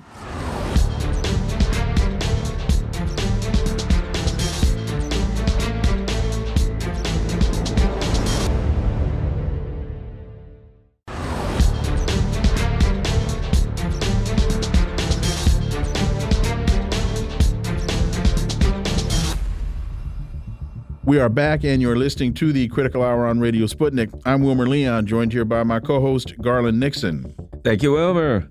Venezuelan Analysis has a story entitled Guaido, Citgo, and the $19 billion Hole. On October 4th, Venezuela's Attorney General announced a warrant for the arrest of Juan Guaido on charges including treason, false representation, and corruption stemming from his time as head of the U.S. appointed interim government of Venezuela. For insight into this, let's turn to our next guest. He's a political analyst and editor at Venezuelan Analysis. Ricardo Vaz. Ricardo, welcome back. Hey, Wilmer, as always, thanks, thanks for having me. So, Guaido is alleged to have exploited state resources to fund his parallel administration, resulting in the potential loss of a staggering $19 billion in public assets.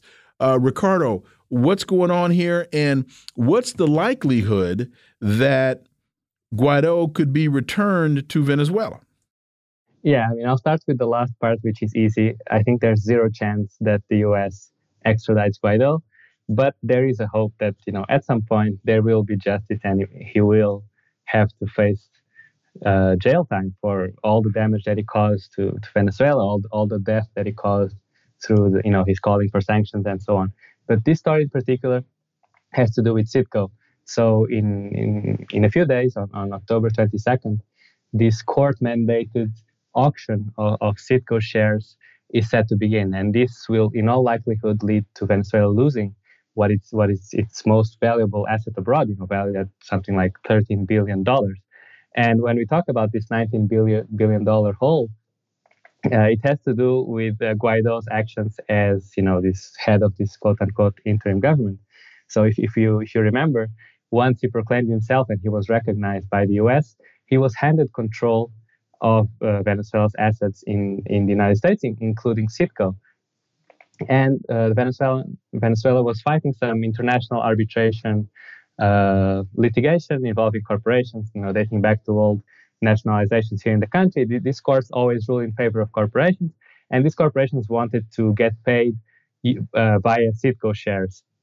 But for that, you have to prove something that's called an alter ego, which is to say that uh, the Venezuelan state and its oil company are basically the same thing. And so the debts of the former can be transferred to the latter and then to its subsidiaries, in this case, Citgo. And where Guaido, uh, either by tremendous incompetence or active collusion, really messed up is that, you know, in, in, in his own words and in the words of, of his subordinates, they used resources from Citgo to fund the parallel government that they were running. And so that's really a, a very obvious, and, and this this, sh- this is shown in, in, in the court documents in where the judge the judge decided that indeed it was an alter ego. So the fact that they were using these resources from you know the oil company that was under their control to fund their operation meant that you know the, the oil company became liable for all all this debt, and, and that's where this new 19 billion dollars of these uh, international arbitration awards come into place. All these corporations got in line and told the judge, "Listen, I mean, you've just declared that they, they are the same thing. We deserve to be paid." And the judge said, "Well, come on, come on right in and and, and queue up behind." And and and and that's more, more or less where we're at. Uh, with this uh, auction due to begin, and, and Guaido, unfortunately, very far away from, from facing justice. Yeah, meanwhile, where does that leave the nation of Venezuela in that, you know, the, the, the U.S., you know, basically separated Citgo from Venezuela. The U.S., you know, controlled Guaido, controlled the operation with Citgo, controlled the um, uh, the parallel government, et cetera. Where does that does that leave any uh, liability for the actual nation of Venezuela? I mean, uh, the Venezuelan government uh, could not uh, control Citgo, but it also lost the possibility to represent itself in U.S. courts because the U.S. decided to recognize this uh, other parallel group of people, and so they they went they went to court and they also had all sorts of dubious actions in court. For example, not showing up in court and then allowing the corporation to win a default ruling or dropping and dropping appeals that kind of thing. So the, the margin for maneuver for, for the Venezuelan government is very limited, you know, beyond these public statements and, uh, you know, calls for diplomatic solidarity. But it seems that at this point, because the government is not recognized, you know, even though Guaido is no longer around, the U.S. still recognizes this uh, ghost National Assembly that has been expired for more than two years. They are still in control. So with that, I mean, there's very little that Venezuela can do to try and, and, and salvage Citgo you know, barring any any any kind of last minute grand agreement. But you know, even that even that case would be very ruinous at this point, given the amount of, of liability that's piled up on, on Citgo.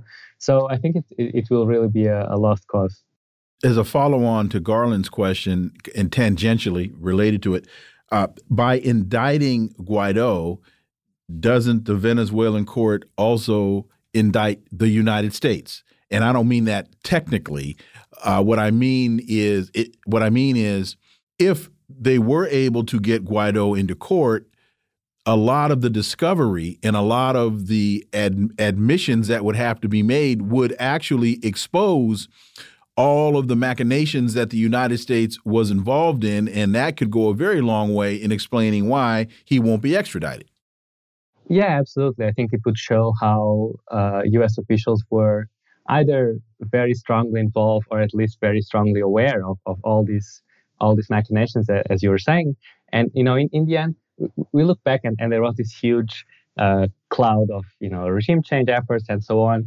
But you know behind the scenes what really transpired was the the controlled uh, stealing and then hand, handing over of, of Venezuela's most important asset. And this this has long long term implications because we talk about Citgo and it's worth uh, 13 billion, but it, it's not just what it's worth. You know, it, it's uh, the role that it played in let's call it the, the, Venezuelan oil industry ecosystem because it was a natural destination for Venezuela Venezuelan crude. It provided fuel, which has been an issue for, uh, over recent years. So if, even though the the Guaido operation in terms of, of you know getting getting to power failed, and it was always it was always going to fail it still dealt a very heavy blow with long-term consequences for, for Venezuela and for the Venezuelan economy in particular. Washington Post reports the U.S. to ease sanctions on Venezuelan oil for, quote, freer presidential election, the Biden administration. So apparently they came up with a deal for a freer election. As a person who's been an election uh, observer in uh, Venezuela, number one, I don't think it could get any freer than it is. But also, here are my thoughts on this real quick. The U.S. just made a deal two weeks ago with Iran that if you if Iran freed the hostages, they'd give six billion dollars back to Iran. Iran freed the hostages this week. They said, "Oh, by the way, you can't have the six billion. Why does anybody make a deal with these people? Your thoughts? Uh, maybe it's just me, Ricardo. Know, actually, it's funny. I was I was going to bring up that example of you know being very very careful to, to say the least in, in dealing with US. But actually, uh, it, it might seem like the, the Washington Post has uh, jumped the gun a little bit here because last night Maduro is, uh, he has a weekly broadcast on, on Monday night, and he was told about this news from the Washington Post, and he was very angry.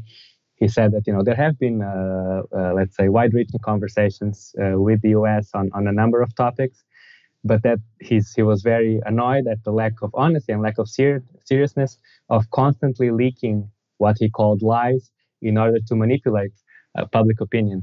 So I'm not sure there's uh, an agreement uh, on the scale that uh, that the Washington Post uh, says here. Especially, they are very excited about the possible uh, lifting of bans on certain politi- opposition politicians, such as Maria Corina Machado, an outright fascist. I think we talked about her last time I was here. But you know, it's it's through other sources, it's been made clear that that's not going to happen. So there's going to be an agreement between the Venezuelan government and the opposition to kind of get uh, electoral conditions rolling, you know, setting a date, deciding international observation. It's not going to make it any freer. I think it's just, uh, as you were saying, it's just a way for uh, the US to try and get some some political cover and, and try and pretend uh, paint this as, as a victory. But what's what's really going on, and I, am speculating here. I mean, we'll have to find out once once this gets revealed, possibly later today or, or, or tomorrow. Is that the US wants uh, to grant these uh, oil licenses to specific corporations, and the goal is to lower uh, oil prices on, on the market. But it cannot just do that because it would seem like a concession to the Maduro government, and so it has to frame it as some kind of uh, you know quid pro quo where they are getting better electoral conditions. But what's being offered, at least according to sources like Bloomberg and, and Reuters, is, is very limited and not really appealing for the Venezuelan government. These are licenses where Venezuela ships crude for the privilege of you know canceling debt. You know, it's not it's not really something that that that far-reaching and not something that the Venezuelan government seems very interested. So it looks like the, the Washington Post just wanted to get a bombshell headline on, on the Monday morning, and uh, reality is going to be a bit different. If in fact such an agreement were reached, that would really operate against the interest of the United States as it relates to regime change, because if President Maduro were to win reelection, then the United States can't claim, oh, this was all by fraud, when because the answer would be, well, no, we agreed to a free and fair election. We we we stuck by the agreement. I am once again the legitimate president of Venezuela. Yeah, absolutely. But but it goes to what Garland says. You know, the U.S. feels under no obligation to fulfill uh, its own end of the bargain. So uh, oh, oh we realize that. Yeah they're they're going to try to retain some kind of discourse where you know they'll say that elections are still not completely free and so then if the result goes against them which is very very likely they'll just bring out the the fraud story once again but for now it looks like the US realized that they are in a on a dead end you know the regime the current regime change operation is not working. And so they're trying to pivot. They have a lot of pressure from the Venezuelan opposition here to run in the election. So they're trying more or less to, to kind of uh, straddle these two paths, where on one hand they try to support the electoral path and, and hope and hope that it can lead to a victory, not that likely, and on the other maintain sanctions as a tool to continue to pressure and blackmail the Venezuelan government. The Venezuelan government called for a quick resolution to violence and for Israel to abide by UN Security Council Resolution 2334. Again, we see nations calling for for for uh, Israel and the United States to abide by the UN Charter and UN resolutions. Your thoughts? We got about a minute and a half.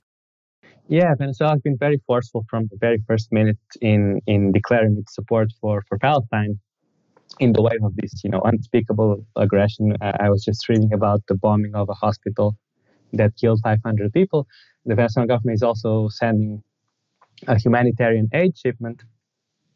So it's good to see that you know uh, governments in the global south create more and more pressure to uh, not only challenge the actions of, of, of the, the Israeli occupation, but also uh, on a diplomatic front uh, make them more and uh, more and more illegitimate, uh, which they are, and and you know hopefully that that can uh, contribute to you know in the short term easing the suffering of the Palestinian people, which are under uh, unspeakable conditions, and and hopefully further the, the, their liberation cause.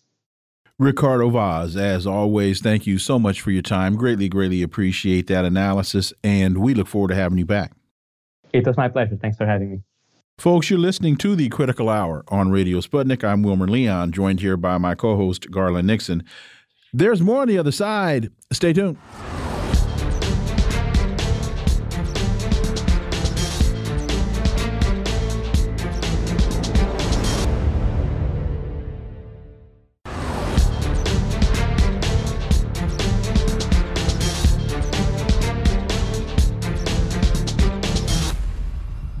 We are back, and you're listening to the Critical Hour on Radio Sputnik. I'm Wilmer Leon, joined here by my co host, Garland Nixon. Thank you, Wilmer.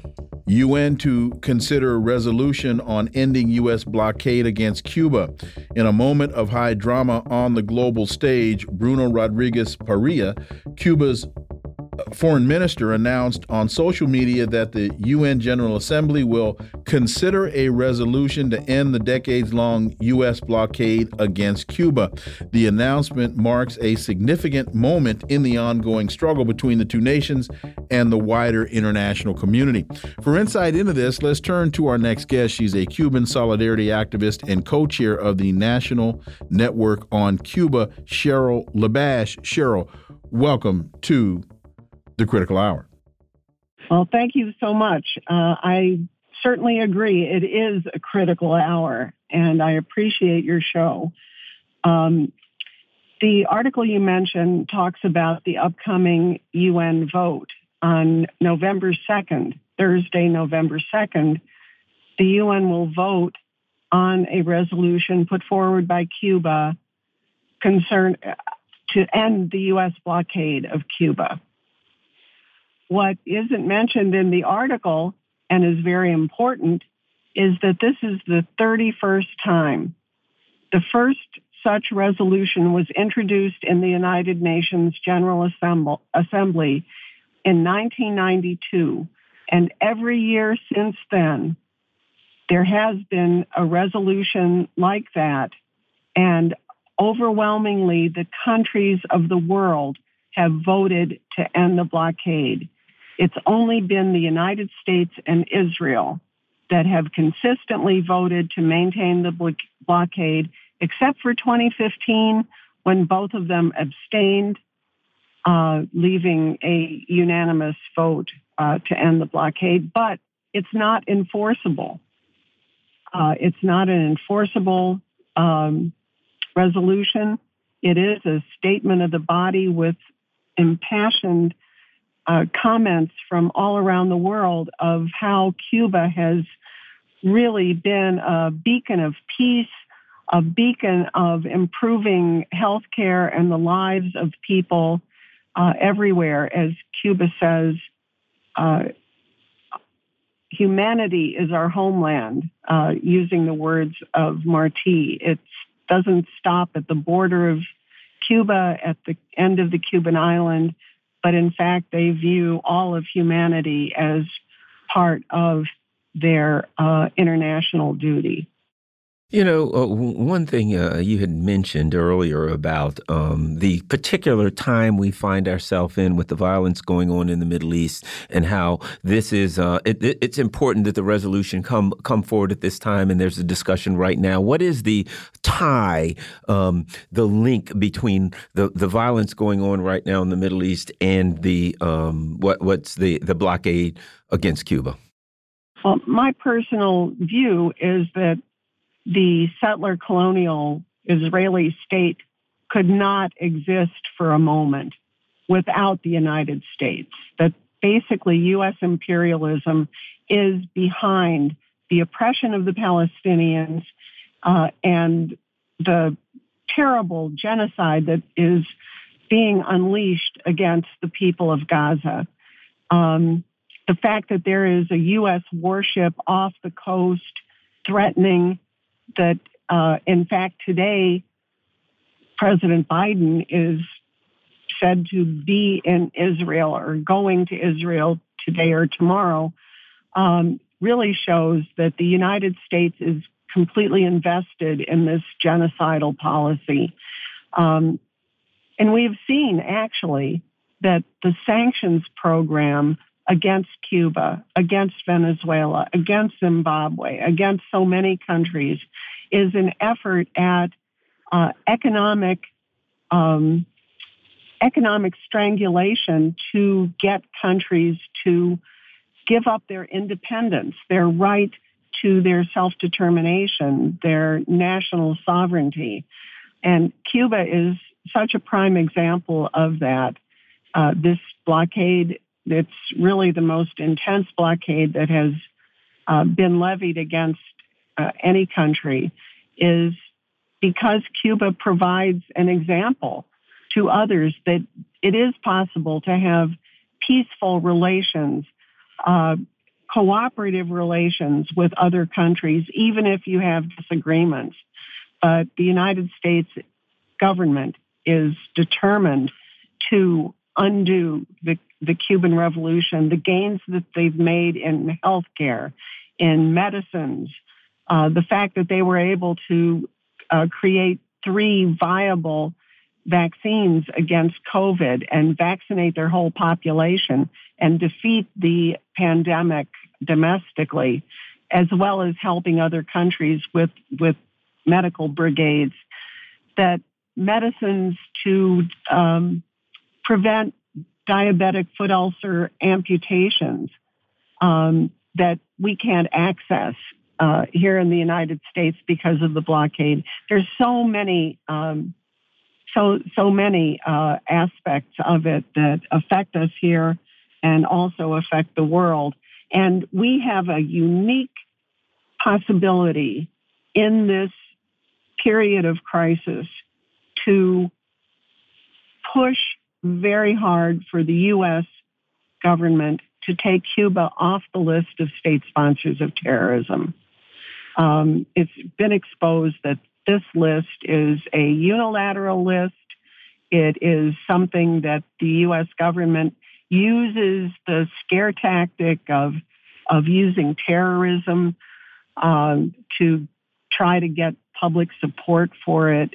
But what it does is it makes it impossible for countries that are on this list to do any trade internationally because banks and other um, actually multinational corporations become afraid to do business with any country that's on the list. So Cuba can't buy spare parts for um, even the the few that are allowed. Uh, are having difficulty with humanitarian uh, aid from international humanitarian uh, organizations, and in many ways are the people are being damaged by that. And Biden can write a simple memo and send it to Congress and say, we are removing Cuba from that list. That is all that is required. So we have the possibility of a victory in this short window. Covert Action magazine has a piece Cuba played a crucial role in the demise of apartheid while the CIA helped uphold it for decades. Between 1975 and 1991, Cuba embarked on a remarkable internationalist mission known as Operacion Carlota. This mission was undertaken to defend Angola's newly found independence from an invasion by apartheid era South Africa. It played a pivotal role in the broader African anti colonial and national liberation struggles. Over 400,000 Cubans participated in various capacities, including soldiers, doctors, teachers, engineers, and construction workers, with more than 2,000 making the ultimate sacrifice. Uh, your thoughts? Well, certainly that is uh, a stellar moment, and it's an it's also a moment where Cuba may have been given some opportunities to re- have some rapprochement with the United States, but Cuba chose the principal path path of answering the call of Angola, whose new independence was being threatened. And it was at the request of Angola that uh, that the newly liberated Angolan government that Cuba did put all of those resources. Uh, Cuba is a very small country. It has a very small economy. And for them to unite, uh, and as Fidel Castro has said, that they were paying uh, a debt um, because there, Cuba is uh, a country with African roots through the uh, criminal slave trade uh, that financed European and U.S. capitalism. Um, and Fidel's view was that Cuba had a debt uh, to the people of Africa, that they were an African country as well. And so committed uh, to helping to defeat apartheid. And by the way, one of the similarities that I that I see with what is happening now in Palestine, in occupied Palestine, is the defeat of the illusion of white supremacy being infallible and undefeatable. When Cuba defeated South Africa in Cuito Cuanavale, it, uh, you know, South Africa and the white apartheid regime there, the white supremacists, had said basically we're we're undefeatable and there's nothing that can stop us. But the fact of the matter is, Cuba, together with the Angolan and Namibian people, uh, showed that that was not true. And the same thing is happening now in uh, in occupied Palestine. Uh, and you know what what Israel is is doing uh, since their military was shown to be vulnerable uh, is is genocidal, though, and uh, we uh, we really uh, think that it the outcry needs to continue to stop the genocide against the, the Palestinian people.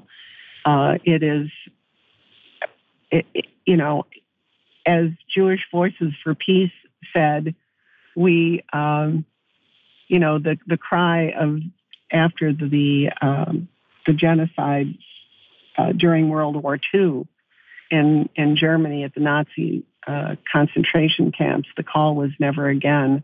And Jewish Voices for Peace is calling out and saying, we said never again, but that never again is happening right now in what Israel is doing against the Palestinian people in Gaza.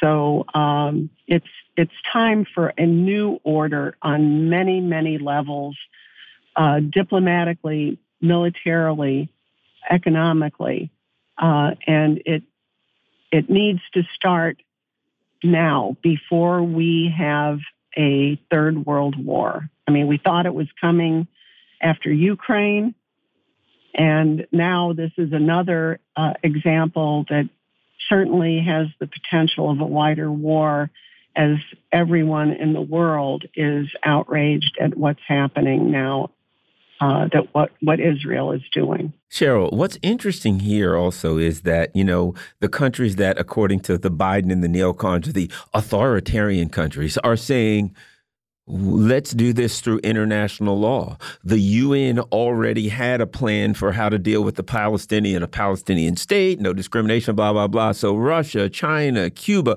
the so called authoritarian, et cetera, are saying, Let's utilize the UN, let's use international law, and let's resolve this as has been determined, just like they're trying to say right now with the resolution for Cuba. Let's use international law. I think it's interesting that Biden and the neocons who want to go outside of international law paint the, the countries who want to use the UN and international law as some kind of rogue states. Your thoughts? We got one minute. Right. Uh, well, that's that's a very uh, important point, I, I think. The um, the fact of the matter is, the United States doesn't abide by any international law. You look at the invasion of Iraq.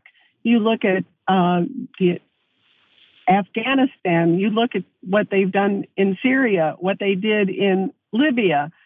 You know, you look at, at all of these things, they um, ignore international law. The fact of the matter is, the blockade of Cuba is a violation of international law. Mm-hmm. And collective punishment is a violation of international law. Correct. Palestine, what is happening is that violation. And what hap- has happened now for 60 years and increasingly in surgically um, targeted against Cuba through our computerization of the world uh, is a violation of international law. Cheryl LaBash, thank you so much for your time. Thank you for your work. We look forward to having you back. Thank you very much. Folks, you've been listening to the Critical Hour here on Radio Sputnik. Thank you for allowing our voices into your space. On behalf of myself and my co host, Garland Nixon, we hope you were informed and enlightened, and we look forward to talking with you all right here tomorrow on Radio Sputnik. Be safe. Peace and blessings. We're out.